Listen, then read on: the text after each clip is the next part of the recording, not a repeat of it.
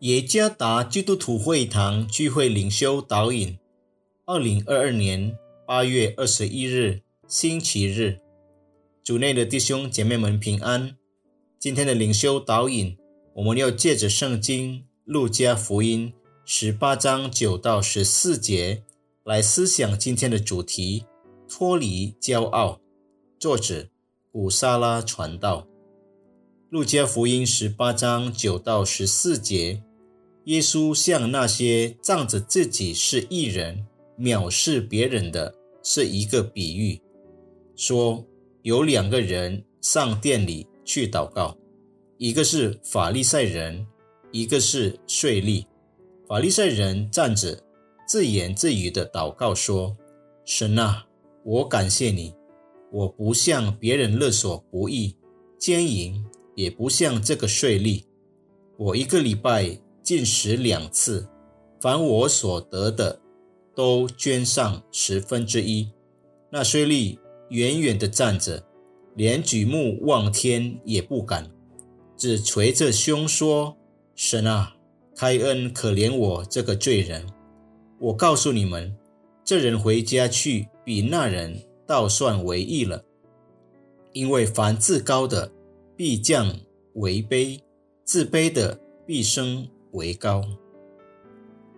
几乎每次在崇拜结束后，一群年轻人都会聚在一起，并对崇拜与他们所听得到发表负面的评论。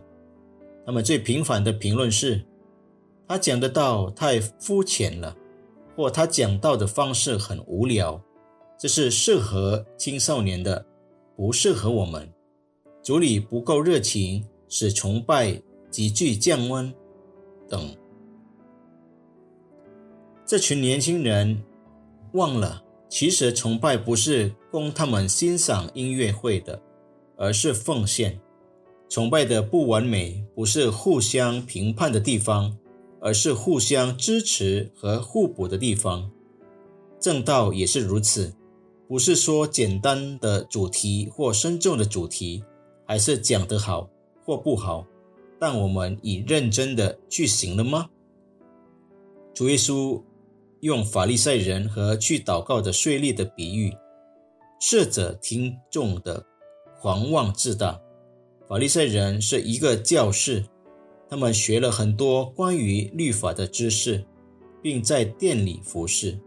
他们应该虔诚与谦卑，但他们被描绘成傲慢自大。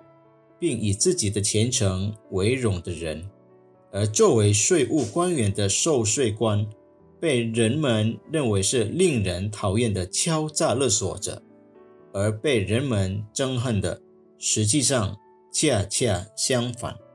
不像法利赛人在上帝面前吹嘘自己的虔诚，税吏意识到自己的罪恶，他以谦卑的态度祈求上帝的怜悯和宽恕。